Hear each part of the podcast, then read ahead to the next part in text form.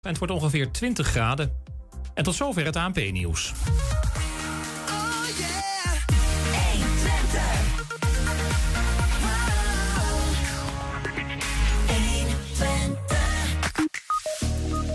GGD en Veiligheidsregio Twente riepen vandaag weer de pers bijeen voor een update over de coronasituatie in Twente en de handhaving van nieuwe maatregelen. Ja, na een jaar van afwezigheid is de Lambertuskermis terug in de Hengeloze binnenstad. Een jaar nadat hij een hartstilstand kreeg, staat de 72-jarige atleet Martin Rechtop uit Enschede dit weekend gewoon weer op het NK Masters in Hengelo. En de op één na oudste legpuzzel ter wereld is vandaag het onderwerp in een nieuw Twents kwartierken. Het is donderdag 16 september. Dit is 120 vandaag. 120. 120 vandaag. Nog geen 24 uur nadat de provincie Overijssel bekend heeft gemaakt dat Theo Bovens de tijdelijke opvolger van burgemeester Onno van Veldhuizen van Enschede wordt, is er al consternatie. Zijn benoeming leidt zelfs tot een bestuurlijk conflict tussen de minister van Binnenlandse Zaken, Kajsa Ollongren, en de commissaris van de Koning, Andries Heidema. Verslaggever Wilco Lauwers die volgt de ontwikkelingen op de voet. Wilco, uh, welkom. Hi. Misschien even beginnen bij het onderwerp van gesprek, namelijk Theo Bovens. Wie is hij? Ja, ja Theo Bovens, dat is een, eh, een, een CDA uit uh, Limburg. Hij heeft uh, negen jaar is die burgemeester geweest in Maastricht. En daarna nog eens tien jaar commissaris van de koning. Gouverneur noemen we dat met een mooi woord. In Limburg. van de provincie Limburg dus ook. En daar is hij dus afgelopen half jaar, half jaar geleden is hij daar opgestapt. Ja, ja, Een man met behoorlijk wat bestuurlijke ervaring, als ik dat ja, zo, uh, ja, zo hoor. zeker. En, en in hoeverre heeft hij, heeft hij iets met Enschede of met Twente? Nou, uh, hij zegt uh, zelf een feeling met de grensregio te hebben. Hè. Je moet je voorstellen, gisteravond pas om half tien werd het nieuws be bekend. Dus dan krijg je een persbericht. En, en nou ja, goed, we hebben de man zelf nog niet gesproken. Wel natuurlijk wel gevraagd om met hem te praten, maar nog niks van gehoord. En dat heeft denk ik alles te maken met wat consternatie. Gaan we denk ik zo over hebben. Je vroeg zijn feeling hier met de grensregio. Ja, hij is een hele tijd van Euregio in Nijmegen is hij de voorzitter geweest. Zodoende veel ook in gesprek met Noord-Rijn-Westfalen. Dat grenst ook aan nou het heel zuidelijke Nederland. En ook dus aan Enschede. En hij kent Enschede zodoende ook. Hij zit dus met die regio's uh, om tafel. Dus hij uh, zegt, uh, nou, behalve ook wel de feeling met Duitsland en de grensregio, dus ook wel met Enschede wel enigszins te hebben. Ja, en dat is wel wat Enschede en Twente nodig hebben als, als, als grensregio. Die ja, als de meest Duitse stad van Nederland, ja. dan moet je daar toch wel een beetje feeling voor hebben. Ja. Even trouwens, Onder van Veldhuizen neemt oktober, eigenlijk 1 oktober afscheid. Um, hij begint dan denk ik meteen daarna, Theo Bovens. Ja. Hoe, hoe lang gaat dat dan uh, zijn? Dat zal voor een maand of vier, vijf zijn. Hè? In februari wordt verwacht dat de nieuwe burgemeester, de definitieve burgemeester, wordt geïnstalleerd. Uh, wordt benoemd. Dus um, nou, wat is dat? Hebben we het over vier, vijf maanden. Dat is, uh, zo lang zal zijn uh, opdracht hier zijn. Ja. Je noemde al even, en noemde dat ook in de intro, consternatie. Um, het is een man waar nou ja, in ieder geval wat ruis omheen hangt.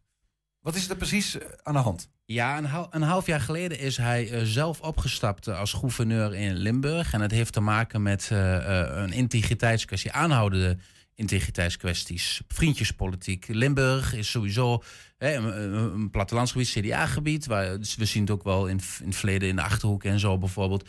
Waar toch soms een zweem van vriendjespolitiek rondom politieke uh, beslissingen hangt. Hoe, hoe, hoe, moet ik dat concreet voor me zien, die vriendjespolitiek? Ja, de uh, oud-gedeputeerde Herman Vreyen, uh, die is in 2009 al afgetreden omdat hij bij een Sinterklaas-affaire, zo werd, wordt hij genoemd, dat daar wat, wat geldstromen zijn, zijn gegaan naar verenigingen. Daar was hij naar verluid uh, bij betrokken. Hij is daarom afgetreden in ieder geval. En in 2015 was diezelfde Herman Vreeën um, ook betrokken bij subsidies van een provincie die naar een um, instelling gaan. En, en vanuit die instelling zijn die subsidies met opdrachten weer naar bedrijven gegaan Mhm. mm -hmm. van die Herman Vreeën. Veel ah, makkelijker kan ik het niet uitleggen. Maar hij geeft eigenlijk geld waar hij zelf over beheert. Nee, hij was zijn eigen bedrijf. Meer. Maar was geen het is een geldstroom vanaf de provincie naar, naar een instelling en een organisatie. En zodoende komt het bij bedrijven. Ja, ja. Uh, overigens is hier wel uit, uh, uit het onderzoek geconcludeerd dat er geen zelfverrijking was, maar dat er wel een zweem van nou ja, uh, belangenverstrengeling om, omheen hing. Ja. daarvoor is het hele college van gedeputeerde staten eerder dit jaar dus opgestapt. In eerste instantie twee gedeputeerden. Later dus ook, uh, nou, ja, onder andere Theo Bovens, de gouverneur. Maar bedoel je trouwens, als je dat hebt over die... Het was niet zelfrijk, bedoel je dat het niet de bedoeling was... Uh, maar dat het wel zo is overgekomen en dat ze daardoor uh, zijn teruggetreden? Nee, zelfverrijking, dat ging even om, over die Herman hè, die oud-gedeputeerde. Ja. Um, dat hij er niet zelf rijker is van geworden. Oké. Okay. Um, dat, dat bedoel ik. Dus niet dat hij daar een mooi zwembad of een mooie auto voor heeft gekocht. Nee, precies. Maar goed, uh, het is wel uh, op die manier gegaan. Ja. Um, ja. En dat heeft, daar hangt iets van corruptie omheen, zeg maar. Ja, dat gevoel. Ja, ja, er zijn gewoon tonnen aan subsidiegeld naar, naar um, nou, eigen BV's uh, uh, gesluist. Um, en, en, en een, een gedeputeerde staten uh, moet daar, en zeker een gouverneur, moet daar toezicht op uitvoeren. En nou, vonden meerdere partijen in de Limburgse politiek vonden dat het toezicht niet goed is uitgevoerd door deze Theo Bovens. Hij heeft een motie van wantrouwen aan een broek gekregen van de PVV. Die is nooit in stemming gebracht, omdat hij in die bewuste vergadering zelf heeft gezegd van... nou, hier wordt mijn integriteit, hè, wat er ook geraakt. Hij zelf zegt van ik heb hier uh, geen rol in gespeeld. Uh, hij ontkent daar ook uh, dat hij in een vroeg stadium bij, de, bij het doorsluizen van het subsidiegeld dat hij daarvan wist. Mm -hmm. Maar ja, hier wordt het wel aan me. Dit raakt mijn integriteit. Dus ik stap zelf op. Hij heeft... Even voor, voor het begrip. Ja. Um, je hebt een provincie. En daar heb je gedeputeerde statenleden. Dat zijn een soort van de wethouders van de provincie. En klopt. de gouverneur of de commissaris van de koning, hetzelfde verhaal. Die, die, die zit dan weer dat soort van de voorzitter van dat ja, dus college. De burger, wat de burgemeester in Enschede is, is de gouverneur van de provincie. Ja, en hij had dan als voorzitter moeten ingrijpen in dit verhaal. Nou ja, de vraag is, kijk, de, in Limburg is er al langer sprake van uh, integriteitskwesties. Of hij dat wel helemaal goed in de smiezen had, ja. wat daar gebeurde. Hè? De, en, en, en, en daar, werd, uh, um, nou, daar werd over getwijfeld. En er werd ook over getwijfeld of hij dan ook wel in staat zou zijn. Uh, want dan moet natuurlijk, dit kan niet weer gebeuren. Of hij dan in staat zou zijn om het voldoende toezicht te houden dat dit niet weer gebeurt. Ja, wat betekent dat dan voor, uh, voor Enschede? Als die hier dan interim burgemeester wordt. Nee, we hebben ook een stad waarin uh, goed bestuurd moet worden. Waarin nou ja, ook een, een, voorzitter van een college van wethouders, ja. de burgemeester, soms ook moet ingrijpen. Ja, nou wat het hiervoor hier betekent, dat durf ik eigenlijk niet te zeggen. Want uh, laten we wel zijn, uh, dat onderzoek uh, rond dat hele integriteitsschandaal, dat loopt nog. Mm -hmm. Dus we kunnen niet instellen um, of er een rol um, voor Theo Bovens hierin is. Nee. En als die rol er is, of die dan ook kwalijk is. Hè? Um, ze vonden in Limburg hem in ieder geval niet de ideale man om de problemen op te lossen. Inmiddels is Johan Remkes daar aangesteld om dat onderzoek uh, te leiden. Um, en, dat is door, uh, en dat heeft Keizer Ollongren besloten. En dat is dus het grappige hiervan. Of grappig, nou ja, dat is dus het opvallende hieraan. Um, Theo wilde, aanvankelijk wilde hij gouverneur blijven na zijn ontslag... totdat de definitieve opvolger werd benoemd. En na een gesprek met Ollongren in Den Haag heeft hij toch te kennen gegeven, dat was twee weken later, dus uh, in april, medio april, heeft hij te kennen gegeven van nou, ik stap toch per direct op. En toen is Johan Remkes naar voren geschoven als zijn, uh, zijn vervanger, tijdelijke ja. vervanger. Ja. En sindsdien zit hij thuis. Sindsdien zit hij thuis. Ja.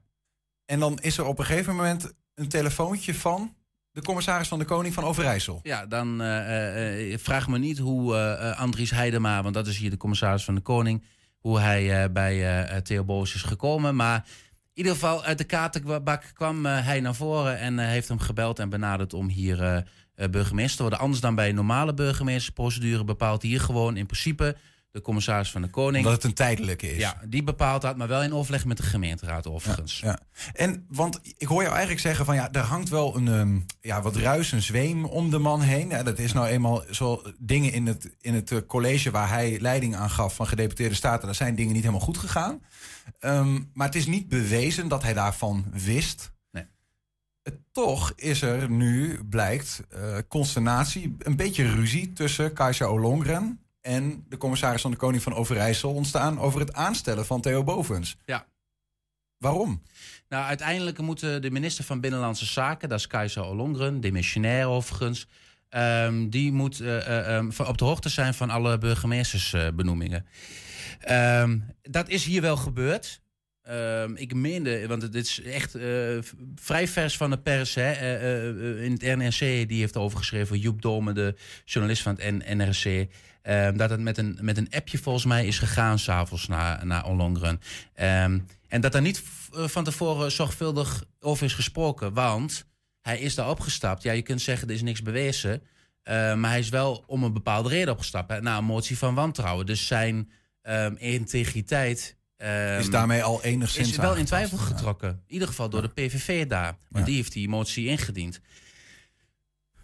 Maar het is dus nog niet duidelijk wat het motief is voor Ollongren om Nou ja, Andries Heidema zegt, te... zij zegt, ik was dus niet eh, zorgvuldig op de hoogte van, van deze benoeming. En ondertussen, en dat is echt net eh, bekend geworden, heeft Andries Heidema al gereageerd bij de collega's van RTV Oost. En Andries Heidema zegt van ja, we hebben de procedure zorgvuldig gevolgd. Eh, we hebben ook hierin, zoals altijd, kijken we naar zijn eh, integriteitskwesties eh, die spelen. Hè, want dan ga je toch met, met Ollongren in dit geval praten van ja, moeten we dit, moeten we dit doen? Is het verstandig? Maar daarvan zegt Heidema, ja, er is wel een onderzoek gaande... waar ook wel de rol van Theo Bovens waarschijnlijk naar voren komt. Maar uit niets blijkt dat Theo Bovens hier Ja. ehm, niet goed heeft gehandeld... of daar bij die integriteitsschandalen ehm, daadwerkelijk zelf betrokken is. Ja, en dat is ook wel goed om te benoemen, hè? dat Ja. iemand dan in die zin onschuldig is tot het tegendeel bewezen is. Eh, ja, ja, maar het is natuurlijk. ehm, hij maakt wel onderdeel uit van zijn onderzoek. Dus je kan eh, ergens wel afvragen: is dit helemaal handig? En als je het al doet, dan zou je toch dan verwachten van dat daar met de minister van Binnenlandse Zaken, die ehm, ook in die hele benoeming en, in die, en, en het afscheid van Theo Bovens in Limburg ook betrokken is geweest, dat er over wordt gesproken. Dus dit is op bestuurlijk niveau is dit een, eh, nou ja, toch wel een, een fitty, denk ik, eh, tussen Heidema en Ollongren. Eh, Hoe dat gaat aflopen, zullen we zien. Ja, wat, wat, wat kunnen we daarover zeggen? Want is het nou, hij is in principe al aangesteld, toch? Als interim. nee, nee, hij Tenminste, moet, hij, hij is een soort van beoogd opvolger, interim. Hij moet nog officieel benoemd worden en dat zal ook op het provinciehuis eh, eh, gaan gebeuren. Ehm, ja, eh, wat, wat voor gevolgen, ja, dat durf ik niet te zeggen. Wat, wat, eh, in principe zou je zeggen, hij is, eh, wordt hier gewoon burgemeester en dit is iets wat eh, Heidema en eh Ollongren met elkaar eh, samen moeten, moeten oplossen. Eh, hoe die procedure is gegaan en of dat helemaal goed is geweest. De uitkomsten van dat integriteitsonderzoek in Limburg, die zullen denk ik niet voor zijn afscheid hier binnen vier, vijf maanden eh, er zijn. Want er is nu pas een, een, een duidelijk eh, ehm, hoe noem je, dat, methode van het onderzoek pas eh, gepubliceerd van hoe gaan we het doen. Nou ja, voordat dat onderzoek klaar is, ehm, dan is Theo Bovens hier ook alweer weg. Ja, in ieder geval reden voor ons als pers om extra scherp te Ja, blijven. ja, en ook ja, de gemeenteraad. Dit is natuurlijk ook met de gemeenteraad besproken. Dat is in een, een besloten vergadering geweest. En daar mag ook verder niemand over eh, praten. Want zo, zo gaat dat. Ehm, maar ik vraag me dan ook wel af: is de gemeenteraad. eh, hebben, hebben die hier geen vragen over gesteld? Van goh, ehm, ja, je gaat toch even iemand googelen, denk ik. Dat is wat wij gisteravond ook hebben gedaan. Ja, dan kom je al Ja. vrij gauw eh, op dit soort dingen. Wilco, dankjewel voor nu en we houden het in de gaten. Ja. Na een jaar van afwezigheid is de Lambertus-kermis terug in de Hengeloze binnenstad. Zometeen nemen we een kijkje. En we zijn ook als podcast te luisteren via alle bekende platform, platforms. Je vindt daar de hele uitzendingen en eh, eh, ook iedere dag één item speciaal uitgelicht. 120. 1. 120 vandaag. Waar het kabinet vooral spreekt van de versoepelingen... klinkt er in de horeca gemor over de nieuwe coronamaatregelen. Straks mogen alleen nog gasten naar binnen met een geldige QR-code. De GGD en Veiligheidsregio Twente organiseerden vandaag een persmoment... om uit te leggen hoe zij met de nieuwe situatie om zullen. Nieuwe maatregelen zijn afgekondigd. Merken jullie dat dat ook direct invloed heeft op eh, de vaccinatiegraad hier in de regio? Nou, dat is natuurlijk nog eigenlijk nog te vroeg om dat te constateren. hè. Eh, We, moeten wel, eh, we zien wel dat eh, de toeloop als het gaat om het vaccineren zonder afspraak... dat dat toe is genomen. Maar om dat hier aan te wijten, dat is nogmaals te vroeg om dat te constateren. Is dat wel jullie hoop dat dat wel mee zal gaan helpen? Ik denk dat het in Nederland is het van groot belang dat wij een groot aantal... dat de vaccinatiegraad zo hoog mogelijk is. En wij hebben, we zijn goed op weg. In, zijn algemeenheid zien we dat er nog steeds veel mensen zich laten vaccineren. Dat de vrije inloop goed werkt. Dat veel jeugd en jongeren ook, eh, ook langskomen om de informatie te krijgen. Maar zeker ook te laten vaccineren. En het is in het belang van, van ons allen eh, en van de, de zorg dat wij de vaccinatiegraad in de komende weken nog verder omhoog gaan douwen. Met de afschaffing van veel coronamaatregelen lijkt alles toch richting zijn einde te gaan. Positief nieuws zou je zeggen. Toch komen er wel enkele verscherpingen bij bijvoorbeeld horecaondernemers, sportkantines en schouwburgen... die straks om een coronapas moeten vragen.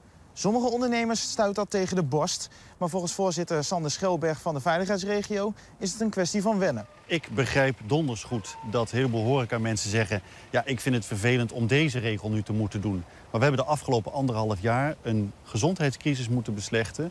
En we zijn de laatste loodjes en die wegen het zwaarst. En er is één verandering en dat is nu de QR-code. Dat is de enige regel die nu nog moet worden uh, uh, gecheckt door de verantwoordelijke. Uh, ja, ik begrijp dat we allemaal van de regels af willen. En ja, ik begrijp ook die, die, die teleurstelling en misschien zelfs wel boosheid. Maar we zullen het wel moeten doen om die gezondheidscrisis te moeten beslechten. Hoe gaan we dat handhaven? Eigenlijk niet anders dan de regels zoals we de afgelopen anderhalf jaar ook hebben gehandhaafd. Um, uh, ik ben eigenlijk heel tevreden over de afgelopen anderhalf jaar... waarop iedereen die regels ook heeft gehonoreerd. Uh, wij uh, handhaven op excessen. Dat betekent als mensen moedwillig of in grote mate de regels niet willen honoreren... dan treden wij daarin op. Tot zover een klein stukje um, van de collega's van RTV Oost die er ook bij waren. Ook uh, daarbij, bij dat persmoment was collega Ernst Bergboer bij ons in de studio. Ernst, goedemiddag. Veilige afstand, goedemiddag. Zo is het, met een scherm ertussen nog altijd. Um, ik, ik, sla even aan op één ding wat ik uh, burgemeester Sander Schelberg hoor zeggen. Want hij zegt eigenlijk, ja, we hebben nu alleen nog die QR-code. Mm -hmm. Terwijl um, wij hier gisteren met een uh, losse horecaondernemer zat. Die zei, ja, maar die QR-code is juist het probleem. Nou ja, dat, dat, dat is precies. Dat is wat je ook hoort zeggen. Hè? Dat, zei die horecaondernemer gisteren. Maar andere horecaondernemers zeggen hetzelfde. Maar ook gasten zeggen dat. Kijk, wat die, wat die QR-code doet, is natuurlijk... Dat is wel wat anders dan uh, mensen placeren of zo. Uh, je maakt onderscheid tussen mensen. Je zegt tegen een bepaalde vaste gast: jij mag wel, want je hebt een QR-code. Ja. Een andere vaste klant, uh, die misschien ook al twintig jaar bij, jou in de zaak komt. en die om wat voor reden dan ook zegt: van ik wil me niet laten vaccineren. en ik wil niet meedoen met een testmaatschappij. Ja. Uh, die moet je de deur wijzen. Dus dit is wel een.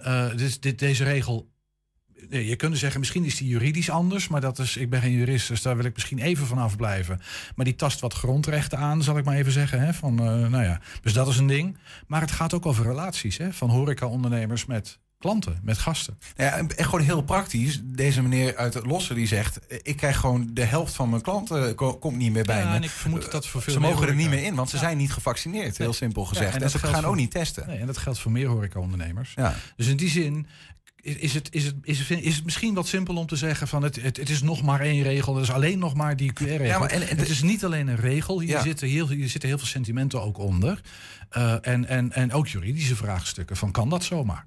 Ja, precies. Maar het, vraag, het leidt ook tot de vraag waarom Um, uh, doet, waar, want de veiligheidsregio gaat mee in dit verhaal. Waarom? Nou ja, want gezondheidstech, is het voor de gezondheid? Want dat gaat op dit moment relatief goed, toch? Ja, nou ja, het is, het is inderdaad voor de veiligheid en de gezondheid. Maar ook daar zie je dat mensen vragen hebben.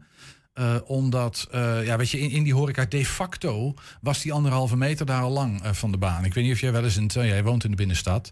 Um, maar ik, ik, ik, ben heel veel in de binnenstad geweest in die afgelopen weken. En ik zie overal mensen weer als vanouds gezellig bij elkaar zitten. Mm -hmm. en, en, toch is de redenering, ja, maar we laten nu de anderhalve maatregel, anderhalve meter laten we los. Dus die cafés mogen weer lekker vol. Um, um, uh, maar dan hebben we wel met die QR-code de maximale veiligheid gegarandeerd. Ja, als die veiligheid heel erg in het geding zou zijn geweest, hadden we in de afgelopen periode natuurlijk ook al wel problemen gehad. En dat, dat schijnt toch. Dus die veel horecaondernemers begrijpen dat ook niet zo goed. Die zeggen van ik draai gewoon prima. Mijn terras is wat groter dan normaal mag zijn. Ik draai gewoon een prima omzet. En ik moet nu ineens gasten gaan selecteren op basis van, en soms ook gewoon overtuigingen. Mensen die zeggen van ik wil me gewoon niet laten vaccineren, ik wil niet meedoen. Dat gaat die horecaondernemers te ver. En, en ze hebben het ook niet nodig, uh, financieel gezien. Althans, dat is wat ze ons vertellen. Ja. En, dus, en dan, dan leidt het tot gedachten die, die ik van verschillende horecaondernemers heb gehoord. Van ja, wij zijn een soort van dwangmiddel uh, om de vaccinatiegraad nou ja, Je gaat je afvragen, wat, wat, is, wat is de reden om het te doen? Nou, de officiële reden is veiligheid. Hè. Uh, het is een maatregel om besmettingen uh, te voorkomen. Nou, die besmettingen hebben zich in de horeca niet massaal voorgedaan. Alhoewel Sander Schelberg natuurlijk wel uh, nog even uh, verwees, uh, de, terugwees naar Aspen Valley, waar een hoop besmettingen zijn, hebben plaatsgevonden. Het punt is natuurlijk ja. dat die besmettingen niet leiden tot een enorme ziekenhuis, ziekenhuistoename of zo. Hè. Dat gaat om besmettingen van jonge mensen over het algemeen. Um, en, en je ziet ook in de ziekenhuizen, en er was ook na Aspen Valley zo, wij hebben dat nog, we waren heel benieuwd gaan we nu meer jongeren in de ziekenhuizen zien? Dat is eigenlijk gewoon niet gebeurd. Nee. En, maar even, dan moet ik meteen. nog steeds hetzelfde. Uh, je had natuurlijk ook op een gegeven moment was er sprake van dat long, dat langdurige COVID, long COVID. Ja. Ehm, wat voor jongeren wel een probleem zou kunnen zijn. Is daar nog over gesproken in nee, hebben we, bijeenkomst? het, eh, hebben we het niet over gehad. Eh, Dus daar kan ik op dit moment ook niks zinnigs over zeggen. Maar voor zover ik weet, hebben daar, zijn daar ook echt geen cijfers van. Net zo min als dat er heel veel duidelijkheid is over nou ja, de, de langere termijn effecten van vaccinaties. Of mensen die toch misschien aandoeningen krijgen nadat ze gevaccineerd zijn. Ja. Eh, we weten dat dat gebeurt, maar hoeveel het gebeurt weten we niet. Dat, hetzelfde geldt voor long covid. Die twee dingen, daar zit, zit veel onzekerheid. Even eh, over de cijfers op dit moment. Mhm. Hè? Want het lijkt me ook goed dat ze, ehm, nou ja, dat, ze dat eh, in ogen schouwen... om te kijken wat zo'n maatregel doet. Want het kan ook leiden tot juist vermeerdering van het aantal besmettingen... als je de anderhalf meter maatregel opheft. Mhm. Zou kunnen. Mhm. Eh, Wat zijn die cijfers op dit moment eigenlijk? Want ja, soms ben ik een beetje los. Gaat het goed? Gaat het slecht? Nee, ja, eigenlijk is het beeld al wekenlang heel stabiel. Dat betekent zo'n 600, 700 besmettingen per week. En dat is gewoon een stabiel beeld. Daar, gaat wat over, daar weet je, daar verandert weinig in. En als je naar de ziekenhuizen kijkt, dan liggen daar nu zes mensen op de IC met, eh, met, met corona. En elf mensen in de, in de klinieken van de Enschedese of van de Twentse ziekenhuizen. Dus dat zijn op zich relatief lage aantallen. Ehm, maar de druk in de ziekenhuizen is wel hoog, eh, blijft de GGD zeggen. Dat zal ook ongetwijfeld zo zijn. Alleen je vraagt je dan af waardoor die, waar die druk door ontstaat. Dat kan toch eigenlijk bijna niet door die 17 eh, patiënten, zal ik maar even zeggen. Dat, dat, dat lijkt toch wat wonderlijk. Maar goed, wat ook meespeelt is natuurlijk dat er een inhaalslag reguliere zorg plaatsvindt. Eh, dat dat ziekteverzuim in ziekenhuizen, druk is natuurlijk echt wel hoog geweest. Dus ziek- ziekteverzuim is hoog. En vergeet niet dat die gezondheidszorg ook al ver voor corona met forse eh, problemen kampte. Hè, als het gaat om bezetting. en Onderbezetting toen en al. Ja, dat was toen ja, al. ja. Dus ook dat kan haast niet anders dan nog steeds doorspelen. Dus die druk zal best hoog zijn. De vraag is alleen in hoeverre dat nou echt komt door corona. Eh, en eh, in hoeverre het dan, ja, ja goed, weet je, en de- daar leven de vragen van mensen. En in hoeverre deze maatregelen daar nog nou weer een bijdrage aan ja, en, en, en de druk om je te vaccineren, wat geen 100% bescherming biedt en ook je besmettelijkheid niet per se. Het is niet zo dat je dan niet meer besmettelijk bent. Eh, dus mensen stellen daar steeds meer vragen bij. En ehm, ik moet eerlijk zeggen, die vraag ook wel snap. Je had ook een eh, kleine clash met eh, Sander Ja, Schelberg. clash is niet helemaal waar. Maar ik, ik, vroeg, ik vroeg daar wat op door. Omdat, om, omdat, omdat ik diezelfde vragen heb. Eh, van ja, ik, ik zie die maatregelen, maar ik zie wat er feitelijk in de samenleving gebeurt. En ik, ik, ik, ik, ik, kan, ik kan ze niet meer zo goed matchen. En ik hoor dat ook van horecaondernemers en ik hoor dat ook in de samenleving. Dus die vragen leg ik daar op tafel. En het leek er even op. Nou, dat, dat eh, Sander Schelberg leek wel even wat geprikkeld. Die leek, die, alsof die discussie een beetje zat is. Van laten we nou gewoon in die regels eh, ons houden. Het is nog even. Ja, dat horen we ook al anderhalf jaar. hè. Het is nog even. Laatste loodjes, de finish is nabij. Ja, zo langzamerhand geloven mensen dat niet meer zo. Want dat hebben we al vaker gehoord. Dat we nog even moeten. Nog een paar weken, nog een paar maandjes. Ja, je weet niet wat er gebeurt in de komende periode. Dus dat verhaal wordt wat dun. Het wordt steeds dunner. En ik kan me niet anders voorstellen dan dat bestuurders dat ook wel snappen. En dat zal Sander Berg, Schelberg zelf ook wel weten.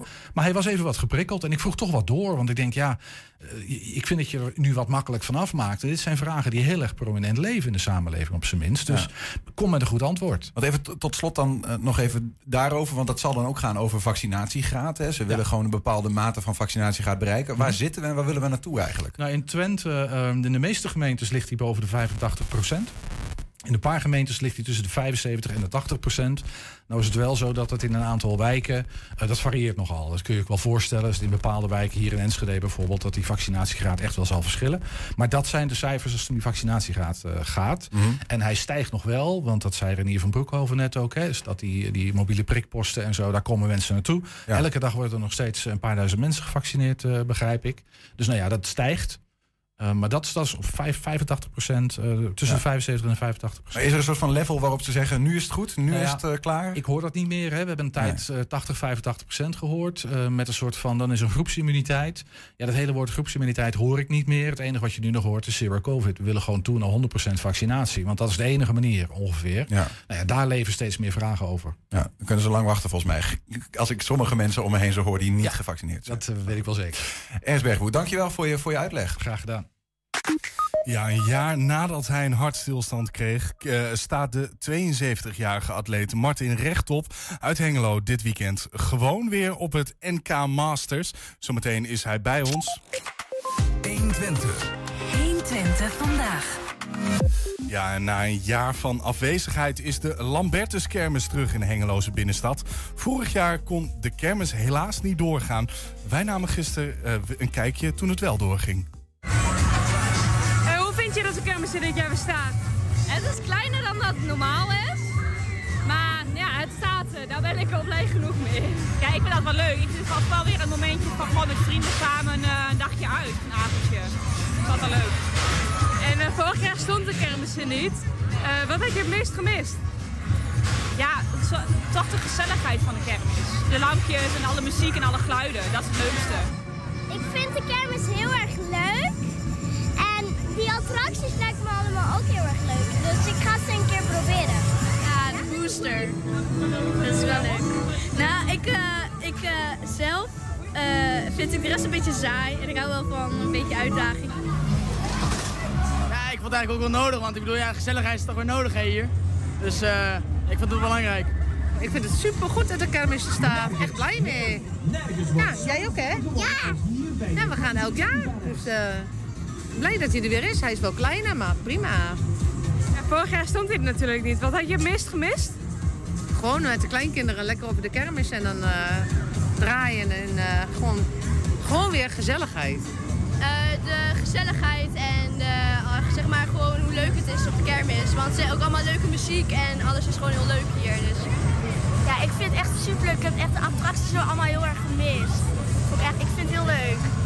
Ik vind het super. Ik kan weer doen wat ik wil doen. Iedereen vermaken en plezier uh, aanbieden. En uh, merk je nog verschil met voorgaande jaren tot nu toe? Nee, tot nu toe niet. Het is uh, de eerste dag, dus ik merk er weinig tot geen verschil. Ja, ik mis eigenlijk gewoon de mensen omheen op de kermis. Gewoon echt het plezier en het vertier wat iedereen doet. Dat miste ik gewoon heel erg. Ja, mooi, de Lambertus Kermis. Weet je, Julian, ik was laatst even onderweg voor een reportage met de rattenbeheerser van Twente Milieu. Oh? Dus uh, en op een gegeven moment hebben we gesprekken van wat ga je vanavond nog doen? Hij zegt, ik ga naar de kermis. Ik zeg hem, wat, wat is dan je favoriete uh, attractie? Wat denk je wat hij zegt? Pff, de schietent. Het reuzenrad? oh. 120. 120 vandaag. Deze vergeet ik je niet trouwens. Deze ga ik je niet vergeven. Dit weekend wordt in Hengelo het NK Masters gehouden. Atleten tot ver in de 80 doen mee aan een groot aantal atletiek onderdelen. Onder hen de 72-jarige Martin Rechtop. Opmerkelijk, de Enschede kreeg vorig jaar nog een hartstilstand... maar is er vanaf vrijdag gewoon bij. Op maar liefst vier werpnummers. Klopt. Morgen dus. Martin, welkom. Oké. Okay. Leuk dat je er bent. ja. ja. We moeten toch even die hartstilstand... Um, kreeg je die nou vanwege dat je je hele leven zoveel hebt gesport? Of heb je hem overleefd vanwege dat je je hele leven hebt gesport? Of heeft het een... Weet je het niet? Ik denk persoonlijk dat ik overleefde door mijn sport. Echt. Nee, eh, het zat bij ons in de familie in de genen. Dus dat cholesterolgehalte altijd te hoog was. Mijn vader had het ook. Mijn vader had met 40 jaar al een. En toen heb ik gezegd, dat wil ik niet. Dus ik, dus ik, heb, me, ik heb niet gerookt, ik heb niet gedronken. Ik heb gesport. En ik heb opgepast wat, wat ik, uh, ja, hoe moet ik dat zeggen? Geen vet eten, laat zo stellen. Mm -hmm. En dan heb ik het vol gewoon de 22 jaar. Dan mag ik toch niet klagen. Zeker niet. En toch, ja, overviel het je? Zeg maar, wat gebeurde er? Ik zat in de keuken. Ik was met, met de keuken bezig om te renoveren. En op een gegeven moment, uh, ik zeg tegen mevrouw, voel me niet goed. Dan viel ik zo in één keer weg. En toen was het hele verhaal was, uh, af. Gelukkig waren hier twee politieagenten, liep, liep me hier in de, in de ronde op de, op de Voortsweg. Nou, die hebben mij uh, gereanimeerd. Kwam er later, was een AED-apparaat was kapot. Dan moesten ze nog een ziekenwagen bellen. Dan hebben ze me nog een keer gereanimeerd. En dan vijf keer ben ik bijgekomen. Dat was het laatste, eigenlijk, hoorde ik. En dan zeiden ze tegen mij. Maar het hele verhaal wat, wat ik meegemaakt is helemaal weg. Mm. Ik weet er ergens van. En, en, ik denk daarom is, is het ook zo makkelijk dat ik alles weer doe. En ik weet eigenlijk niet, uh, mag dat of, of, weet ik wat. Maar die dokter zei tegen mij, ja, je mag niet meer sporten en weet ik wat. Ik zeg, nou, ik zeg, dat denk ik toch wel. Ik zeg, ik pas me wel aan wat ik kan doen. Want je kunt niet zonder? Ik kan niet zonder. Want de doktoren zeiden dat van, Martin is niet zo handig. Je moet niet meer zoveel nee, sporten. Nee, en toen heb ik gezegd, nou ja, dat ligt eraan wat ik kan doen. Ja. En toen heb ik langzaam, ben ik bij, bij uh, ik weet niet een beetje reclame mag maar ik heb bij tri Triflora die twaalf weken had revalidatie gehad. Nou, daar zijn ze allemaal te mee, we snappen er helemaal niks van. Je deed alles en je kon alles. Je hoorde er helemaal niet bij, bij die groep. Die mogelijk een hartstilstand zou kunnen krijgen. Ja, die, hadden, die hebben allemaal een hartstilstand gehad of een, of een, een, een hartinfarct. En die zeiden op een gegeven moment tegen mij, wat jij kunt, kunnen de anderen helemaal niet. Jij revalideerde veel sneller dan de rest. Veel sneller. Oké. Ja, veel sneller. En dat heeft, denk jij, ook te maken met jouw hele sportieve leven? Ik denk het wel. We gaan het uitgebreid over hebben. Eerst even het NK Masters. Dit weekend doe je daar gewoon weer aan mee. Daar doen we gewoon Eh, weer Alsof er nooit wat gebeurd is. Maar wat is dat eigenlijk, het NK Masters? NK Masters houdt in eh, vanaf 35 jaar bij Master. En dan gaat in vijf jaar klasses tot en met 100. Maakt Mhm. in principe niet uit. Ook voor de dames 35 vijf jaar klasses. Dus iedereen die 35 is, die gaat in de categorie van 35 tot 40. Komen die mensen bij elkaar. Die elkaar eh, ja, proberen te presteren met kogel of discus of 100 meter of 400 meter. Kunnen ze meedoen. Tegenwoordig zijn, zijn de eisen gesteld. Je moet op een gegeven moment aan een bepaalde eis voldoen. Mhm. Om een medaille te krijgen en om mee te kunnen doen aan een, aan een Nederlands kampioenschap. Ja, ja, er is wel een drempel. Het is niet Is zo dat een iedereen drempel. van boven Nee, de je kunt niet 35 zeggen, mag als je 5 meedoen. meter stoort, dan mag je niet meedoen. Nee, nee, dus Ja. dat betekent als jij meedoet dat je nog steeds een bepaald niveau Dan hebt. moet je een bepaald niveau halen. Ja. Wanneer ben je- ben je begonnen met de atletiek? Ik ben met 13 jaar begonnen bij ACT in Enschede. 13 jaar? Ja. Ik ben 15 jaar lid geweest. En na 15 jaar vond ik het eh voor gezien, omdat ik eh, de trainingen die ze gaven niet meer goed vond. Ze vonden gewoon dat, dat, dat eh, de mensen die goed waren, die kregen een andere begeleiding als iemand die niet goed was. Ja. En toen heb ik gezegd, iedereen betaalt hetzelfde. Ik vind, als ik iemand een kogelstoorte graag wil en die, en die gooit maar vijf meter, mag die ook meedoen. Ze hebben, dan, Maar het is toch wel logisch dat, dat je, dat je ehm, ja, mogelijk talent nog net iets meer prikkelt, omdat ze de top kunnen bereiken? Ja, ja, dat kan. En nu ben ik met een groep bezig bij NPM in Hengelo. Daar ben ik eh, lid van geworden. Daar heb ik een aantal mensen die zijn nu eh, tweede geworden met het Nederlands kampioenschap kogelslingeren. Mhm. Junior A. Die train ik ook. En dat vind ik geweldig. Dus, dus dat geef ik hun mee wat ik kan. Laat ik hun zien dat hun het ook kunnen. Merk je iets trouwens, nu van als je, als, je, als je aan het sporten bent, merk je iets van die hartstilstand zelf? Het enige is, ik zweet meer. Dat is het enige wat ik weet. Ja. Dus, het, dus het kost me eigenlijk meer moeite, laat zo. En meer shirts? Ja. ja. ja. Ja, ja. Je, hebt, je, hebt, je, hebt, je vertelde al, je bent op je dertiende begonnen. Je hebt honderden medailles. In ieder geval, je zei net, want Ik je heb- hebt hier een ik aantal heb hier de meegenomen. 100, 110 van. Ja, daar is Dus een ik ben camera voor je. Even, dus ik ben hier heb jij 110 de- keer Nederlands kampioen geworden. 110 keer Nederlands kampioen. Met Masters. Master, ja. Op welk onderdeel dan? Eh, alle werponderdelen. Koolgestoorte, diskwerpen. Als je, op één, als je op in die drie dagen dat je sport en je doet dan vijf nummers mee, dan kun je vijf gouden medailles winnen. Dus dan gaat het heel snel natuurlijk dat je elk jaar dat doet. Hoeveel edities heb je meegedaan in totaal dan? Weet je dat? Nederlands kampioenschappen? Ja? Dat, dat, Ik durf het niet te zeggen. stuk of 30 of zo? Nou, ik denk wel meer. Meer nog? Ik denk nog meer. En eh, zeg maar, je, je, je hebt al zoveel medailles. Eh, wat is de eentje als je, als je daar zeg maar naar kijkt dat je denkt, oh, eh, die, die, die hang ik bij mij in de woonkamer? Zodat iedereen het kan zien. Ja, ik heb er zoveel dat ik gewoon niet weet wat ik ermee aan moet. Ik, ik heb de, de restante medailles die ik allemaal gewonnen heb, heb ik aan kleuterscholen gegeven. En de rest die ik zelf voor mij zelf belangrijk vind, die heb ik gehouden. En dat zijn, zoals, neem ons eens even door mee. Ja, dat zijn deze honderd stuks. Ja. En dan staat hier achterop ook de, wanneer je Nederlands kampioen bent geweest op welk onderdeel. Nou, dit zijn dan de, de Olympische Spelen in Australië. Ik De Olympische. Spelen? Olympische Ja. Spelen. Voor Masters. Het is precies hetzelfde als de normale Masters. Alleen of dan- de no- normale Olympische Spelen. Maar er komen ook 25.000 toeschouwers. En ook 25.000 atleten doen mee. Ja, maar, maar, je, maar je brengt het een beetje alsof een Masters een soort van... Ja, um, een, toch gewoon- iets minder waard is dan een... Maar dat is dan toch ook Voor voor, niet. Voor oudere mensen, maar gewoon de Olympische Spelen. Ja, gewoon de Olympische Spelen. En wat Ja. voor, hoeveel, welke plak is dit dan?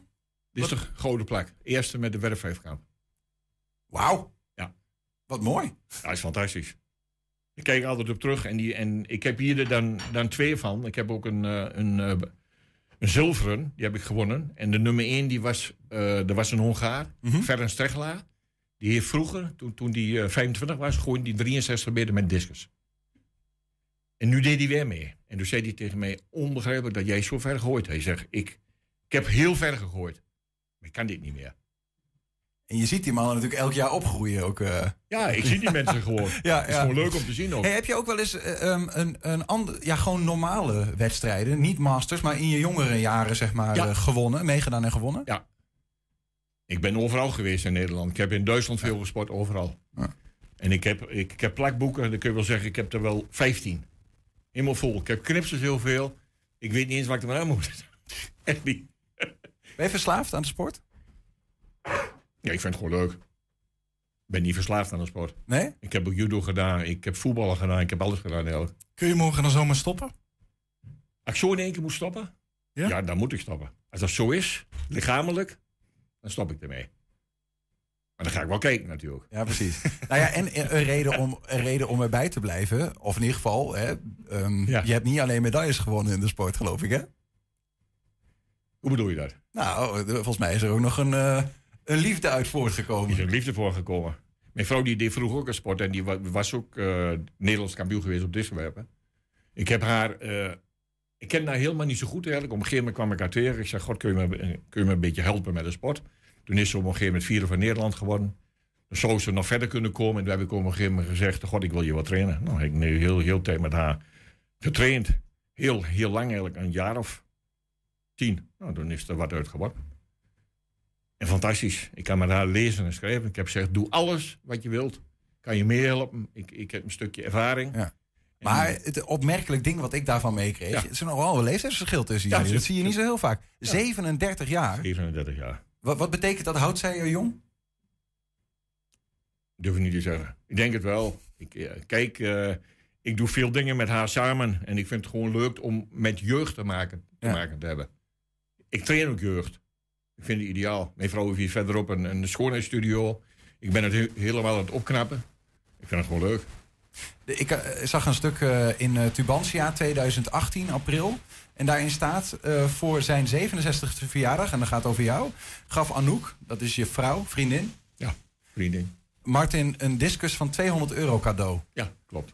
Over drie jaar wil Anouk die schijf verder smijten dan Martin. Dat wou die.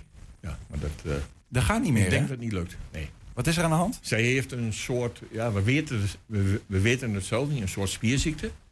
Ze krijgen één keer in de zeven weken 25 spuiten in hun lichaam. In de rug, om de schouders. En eh, zeven weken gaat het goed en na zeven weken moet ze weer terug. En we weten niet waar, waar het aan ligt. Ja. Ze durft het gewoon niet. En ze is nu dan eh, jaren 35. Is nu 35. 35. Ja. Is dat, eh, eh, ja, hoe voelt dat? Want je, bent zelf een stukje ouder, maar zij is in feite minder in staat om nog Ja. te presteren. Ja, klopt. Ja. Het is heel erg. Is heel, heel frustrerend, hè. Ik wil er van alles wel, wel helpen, maar je- ja, kan je krijgt dat gewoon niet weg. Nee. Wil gewoon niet. Je doet eh, verschillende werponderdelen mee, dat zei je al. Ja. En nou, nou, nou heb ik er een aantal even, dat is kogelstoten, kogelslingeren, Discus- discuswerpen en Speerwerpen en Speer- gewichtwerpen. Ja. Wat is dat precies? Kogelslingen is met een lange ketting. Met een handvat. Ja. Die draai je in een ronde. En dan gooi je dat ding zo ver mogelijk weg. Een gewicht waar wij mee gooien is op dit moment 7,5 kilo. Omdat ik 70 ben, worden mijn gewichten aangepast. Met een 7,25 kilo waar de, waar de heren mee gooien, doe ik natuurlijk niet. En dan zou ik blessures krijgen. Dat, dat, dat kan gewoon niet. En als je dan op een gegeven moment... eh, ik gooi er met 7,5 kilo. Mijn gewicht met kogel is 4. En de ketting is de helft. Dus dan moet je, moet je zo, zo snel mogelijk draaien in zo'n ring. Zelfs als kogelslingen eigenlijk. Maar zo ver mogelijk. Maar als je de senioren gooien met 15,88 kilo. En die gooien wel 32 meter. Ja, de ja. wereldkampioenen. Dat is gewoon onbegrijpelijk. Als je oppakt zo'n gewicht. Ja. En ik heb, en ik heb ooit een Ne- Nederlandse record gehad met 18 meter. En het is na, even kijken, na 15 jaar nu pas verbeterd.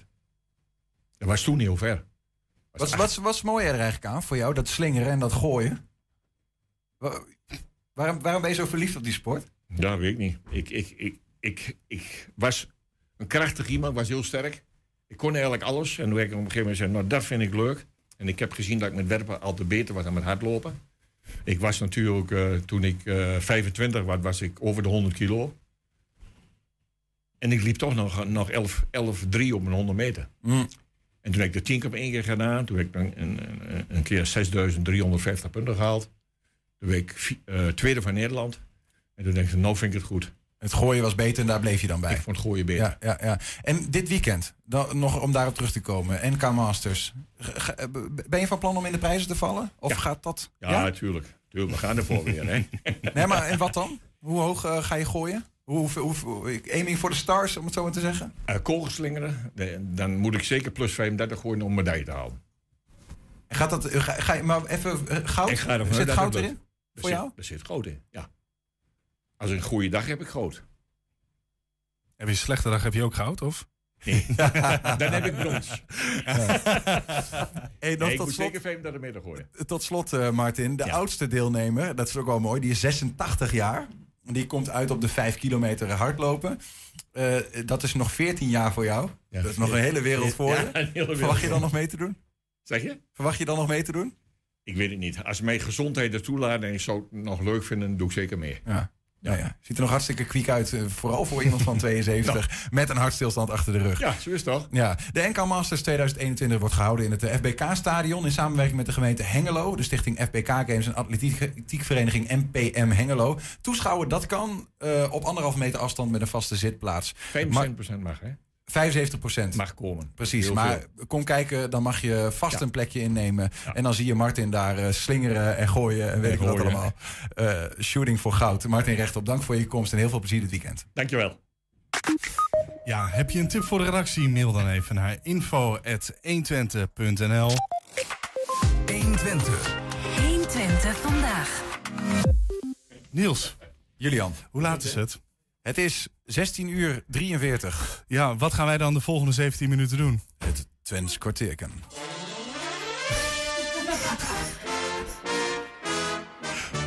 Wat heb je nou toch klaargezet? Ja, ik, ik had er zin aan vandaag. Ik denk, ik doe er een gezellig muziekje op. Ik dacht, ik doe gewoon een leuke intro een keer.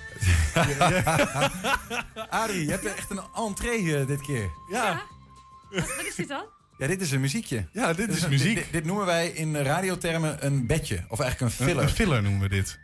Ja, zeg maar een Ja. bedje. Ik heb, ik je heb ook soundbites, dus eh, we kunnen alles... eh, Oh, oké. Wat leuk dat je er bent, Adrie. Een, een filler heet dit? Ja, ja nee. Zullen we nou niet in radio? Nee, precies, gewoon een filler. Ja. Adrie Hemming, Ja. welkom terug. Onze, onze juf Twens. Oh, ik voel een leuke woord van filler naar thriller. Van filler naar thriller. Ja, als het niet goed gaat. Stel je voor dat het helemaal niet goed gaat. Adrie, we, we, we moeten even een, eh, een kleine terugblik natuurlijk doen. Voordat we naar een nieuwe onderwerp gaan. En jij ons weer nieuwe woorden gaat Ja. leren in quizvorm. Ehm, nou ja, neem ons mee naar, eh, naar vorige week. Oh ja, ik moet, ik moet even weer bij... met er weer dat oh mag. ja, Wikkewief. Ja, dat was ook zo. Dat was waarzegster. Ik herinner me dit helemaal niet. Was ik er vorige week? Nee, nee, nee. nee, Ernst ik- was hier. En, en wie zat hier? Eh, Ernesto. Ernesto. Ja, dat was wel een van mijn topweken eh, vorige week. Oh ja? Oké, want uh, leerlingen waren er niet. Knipmutsen weer. Dat is eh, droog en zonnig. Wat goed, knipmussen weer. Knipmutsen weer, ja. Mooi. En eh Hengelerwind. Dat is gebakken lucht. Oh, Ik ja. dacht de wind uit Hengelo. En nog Nee. eentje? Ja, dat was eh Gangs. Dat is dus bezig zijn, hè? Gangs. Ja, Gangs. Wie bent Gangs? Ik, ik las het artikel. Ik, ik dacht dat het gangs was. En Nee. ik heb dat tot net echt in mijn hoofd gehad. Gangster. Ja, sorry. Ja, Hengelen weent, dat waait hier ook nog wel eens, kan ik je vertellen. Hengelerwind heeft te eh, maken Adrie. met eh, het feit dat de mensen, althans heb ik mij laten vertellen, dat de mensen in de ehm, metaalindustrie meer opleiding hadden dan de mensen in de textiel. Dat ze ze daarom arroganter vonden.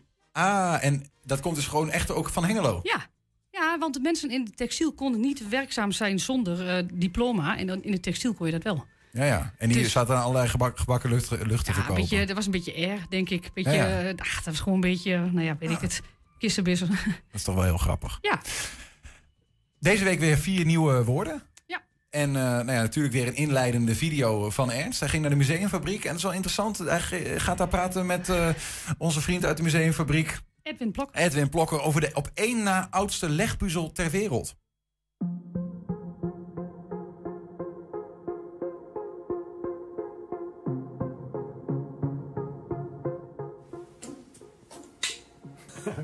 Blokken. Ja. Nou, we zijn weer op eh, vertrouwde grond. Ja, bij Depot. Hé, hey, wat, heb je, wat heb je deze week? Ja, iets, eh, ook weer iets heel bijzonders. Ehm, Zoals niet. ja, dit is een, een, een kaart uit de collectie van de Oudheidkamer Twente. En eh, dit is de op één na oudste legpuzzel ter wereld. En waar ligt de oudste? In Deventer, In Deventer. het speelgoedmuseum. Serieus?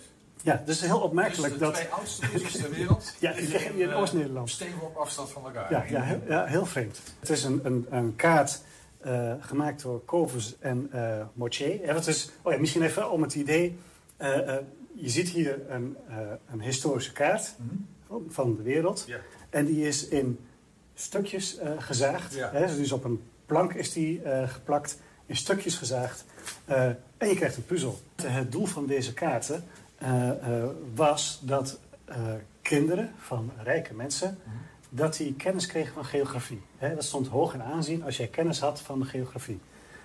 Dus die ouders... Wereldwijs. Wereldwijs, ja. ja dus, dus die ouders die kochten kaarten in de vorm van puzzels. Nou, en als je dan bezig was met puzzelen, dan leerde je meteen van alles over de aardrijkskunde, Ja, over de geografie. Is dat, eh, Ja. nou, de continenten zijn apart uitgezaagd. Afrika, dat is Ja. een stuk Ja, ja. van de puzzel. Dus het was echt een educatief hulpmiddel om geografie te leren. Kijk, dit is op hout geplakt. En eh, je zou dat hout kunnen onderzoeken natuurlijk, van hoe oud dat is. Ja. Als dat, als dat, ja, dat, je kan ook oud hout weer gebruiken voor een puzzel. Dus je kan alles wel betwisten. Nee, maar op een gegeven Maar- moment een soort optelsom van aanwijzingen. Ja, ja, ja. ja, ja, ja. Dus, dus de kans is eigenlijk wel groot dat dit dus de, de, de, eh, eh, misschien al van voor de uitvinding van de puzzel in Engeland, hè, wat op Wik- Wikipedia staat, dat deze misschien al wel ouder is. Maar ja, dan blijft het nog steeds de op één na oudste. Want die ze in Deventer hebben, die, is, eh, die, die kaart die is eerder gemaakt. Die is van 1731. Nogal. Ja, dit is een 1755, die is van 1731. Ik vind het al heel waarschijnlijk dat, dat eh, eh, als jij eh, als ouder dit, dit gaat kopen voor je kind, om ze de actuele geschied, geografie te leren, dan ga je niet met een hele oude kaart Dan doe aankomen. je dat met het moderne materiaal. Met het nieuws van het nieuwste. En, en dit was in 1750 het nieuwste van het nieuwste. Dit is dus een, een wereldkaart met hoe ze, met, wat men toen wist van de wereld. En de allernieuwste ontdekkingsreiziger, die zijn hierop ingetekend. Ook nog met stippenlijntjes van de ontdekkingsreizen waar ze overal geweest zijn. Ja, er staan overal stippenlijntjes op. Ja, ja. Dus dat, dat- en dat zijn allemaal stippenlijntjes van ontdekkingsreizen. Ja, ja, er staat een, een, een stippenlijntje en er staat een naam bij en een jaartal. En de meest recente die ik tegenkwam was van Bering. Dus tussen ehm, eh, Rusland en, eh, en, en de Verenigde Staten. Bering, dus de die heeft hier, ja, je ziet allemaal stippenlijntjes van de route die hij daar gevaren heeft.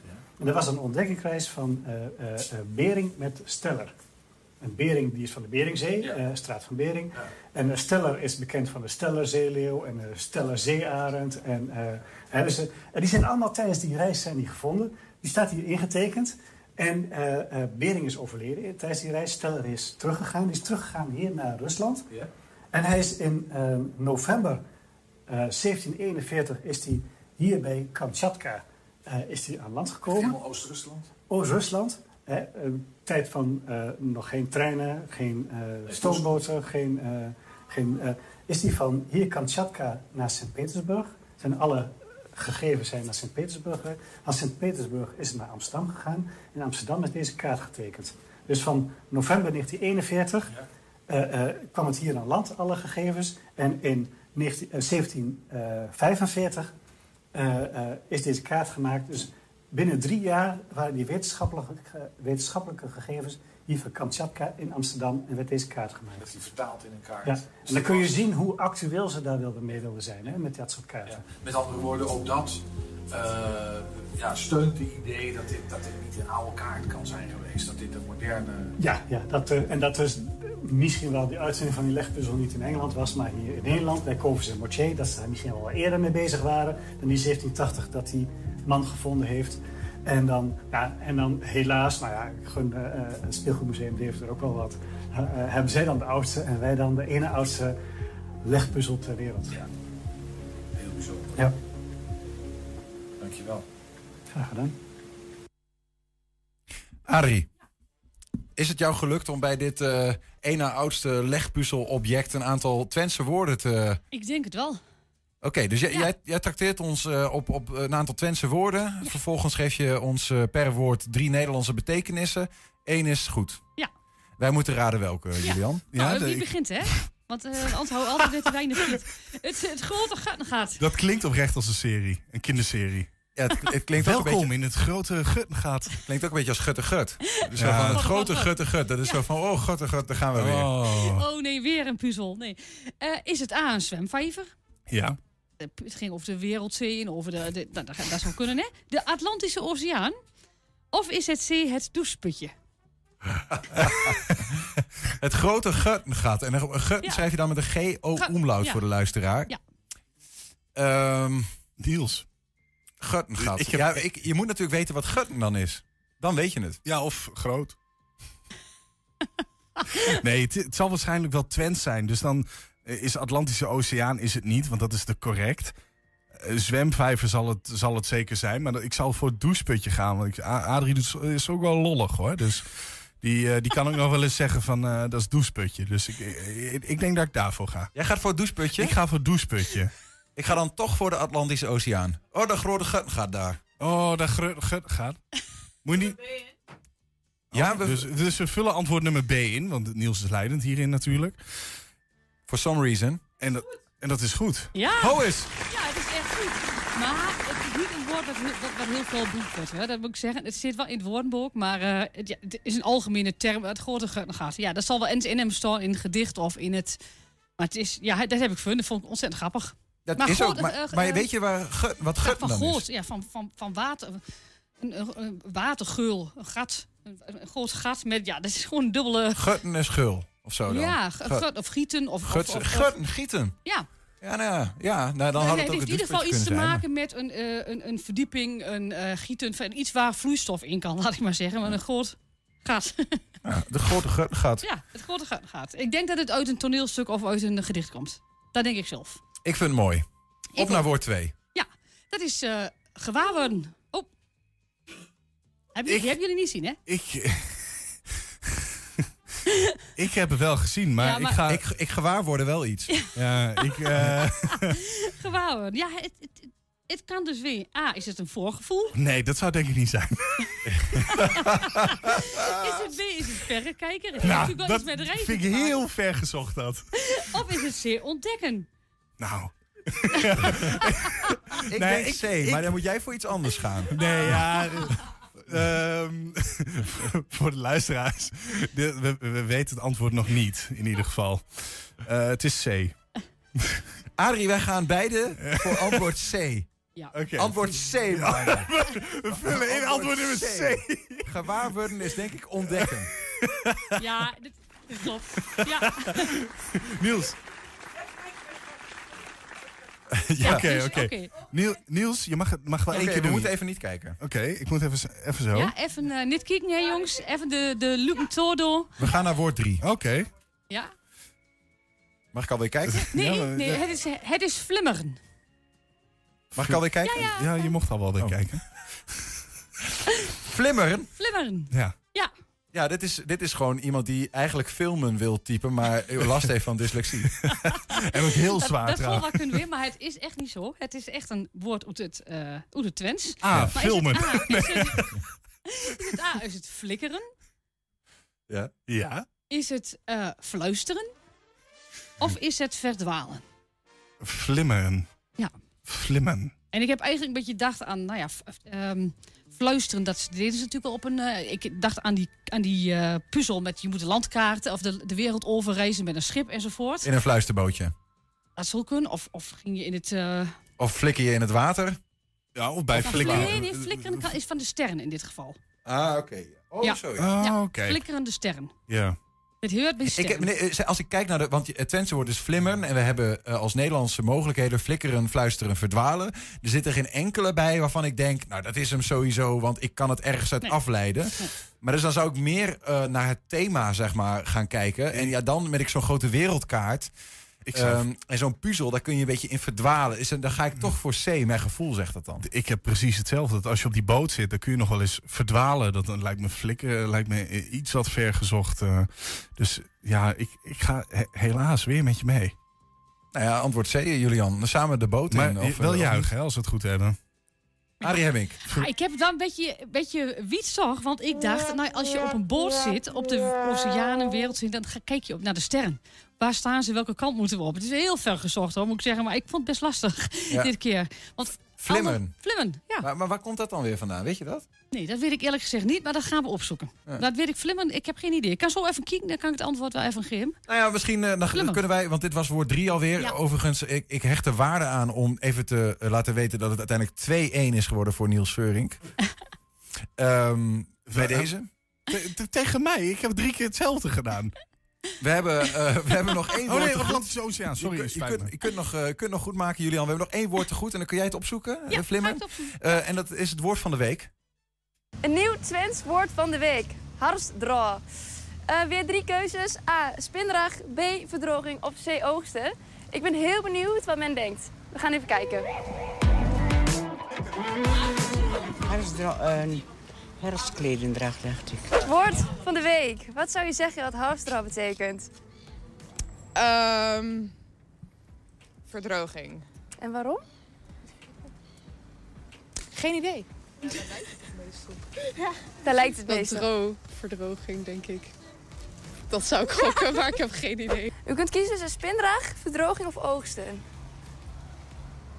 Wat zou je dan kiezen? Geef me een spinrag. Woord van de week. Wat zou je zeggen? A, B of C? Ehm B. Dat is een lastige. Ik denk dat herfst heeft te maken met herfst. Misschien is het verdrogen. Meiden, weten jullie wat harfstraal betekent? Nee. Ehm verdroging. En waarom? Ik denk omdat herfst en droa is denk ik misschien droog. Ja, het meest dichtbij lijkt mij spinrag. Waarom dan? Eh, draad en, en herfst. Eh B. Verdroging. Ik heb geen idee. Wat denk jij? Ik weet het niet. A. Spinrag. Herfst, eh harstdraad, spinrage, verdroging. Ik dacht eh A. A, waarom? Nou, dat kom je meest in de oogsten is wat anders en verdroging, dat is ook wat anders. eh her, herfst, ja, ik zie het op A. Harfstraal. Is dat, betekent dat A, spindrag, B, verdroging of C, oogsten? Wij doen maar verdroging. ja. Oh ja, ik dacht ook verdroging, ja. ja. Ja, waarom Ja? dan? Ja, weet ik niet. Ik heb geen idee, dus ja. ik- Wilde gok. Ja. A, spindrag, B, verdroging of C, oogsten? Ehm, verdroging, denk ik. Harfstraal. Geen flauw idee. Geen flauw idee. Ik heb al moeilijk met Nederlands. Ik denk verdroging. Verdroging. Harfstraal. Wat A. ze- A. Wow, je bent heel snel. Waarom? Weet niet, gokje. Gokje. En jij? Poeh, ik heb er geen idee. Spindrag en verdroging, A en B, heb ik het meeste gehoord. Mm, C, eigenlijk niet zo. Ik ben echt wel heel benieuwd wat jij denkt dat het is. Ja, Adrie is nog druk aan het zoeken Ja, naar de ze is hier ook de flink in paniek, van ik het woord vertellen. flimmeren. Ehm, heel even tussendoor het woord van de week, toch Adrie? Ja, Eh, zullen, we, zullen we dat gewoon even tussendoor? Je hebt de microfoon herfst- toch bij nog? Herfstdre. Herfstdre. Ehm, Herfstdre. Nou ja, we hebben drie opties. Dus spinrag, verdroging, oogsten. Maar ook hier, ik mo- ik moet zeggen, ik heb dit vanmiddag eh, meegekregen op de redactie. Dus dat is voor mij gewoon niet zo spannend meer dan. Oh, je hebt weer vals gespeeld, Ja, sorry. zoals gebruikelijk. Sorry. Eh, ja, Harsdre. Goeiedag. Hé. Ik, eh, ik, ik dacht dat het iets met eh, draad, beetje draad, herfst, een beetje spinnerig. Ik, da- daar, dat zou ik aan te denken. Antwoord A ga jij voor. Ik, ik, zou, ik zou zeggen antwoord A. Nou, ik gun je, als je, als je het goed hebt, dan eh, eh, scoren we 2-2. Oké, dus... We vullen spinnerag in, Adrie Hemming. Dat is goed. Dat is goed. Ja. Dat is goed. Ja. Ja. Ga, ga ik hem toch... Ah, mooi. Eindigen we toch weer in harmonie 2-2. Het is altijd in balans weer. Ehm Adrie, Ja. flimmen, heb je het al? nee. Ik heb, even op internet, ik, ik heb ook even gezocht. Oh. Van Dalen schrijft flimmer. Dat Ja. betekent zwak schijnsel, flikkering. Of glimmer of klatergoud. Flimmer. Waar dat vandaan komt, ik weet niet. Maar ook in het Nederlands is flimmer is dat, is Oh, dus echt? een ding. Oh, heb ik ook wat geleerd. Dat wist Dus ik helemaal niet. Flimmeren, eh, dat het dan hè, een zwak, dat het een soort flikkeren is. Ja. Nou ja, maar waar het vandaan komt, dat houden we dan te goed. Spannend. Ja, voor de volgende week. voor volgende week. Ja. Arie, dankjewel. Thanks, Weert. En we zien elkaar volgende week. Tot zover 120 vandaag. Terugkijken, dat kan direct via 120.nl. Vanavond om 18, nogal later ook op televisie. Zometeen hier kunt u naar het tweede deel luisteren van Henk Ketting met de kettingreactie. Wij zeggen in ieder geval tot morgen. 120 Weet wat er speelt in Twente. Met nu het nieuws van 4 uur. Goedemiddag.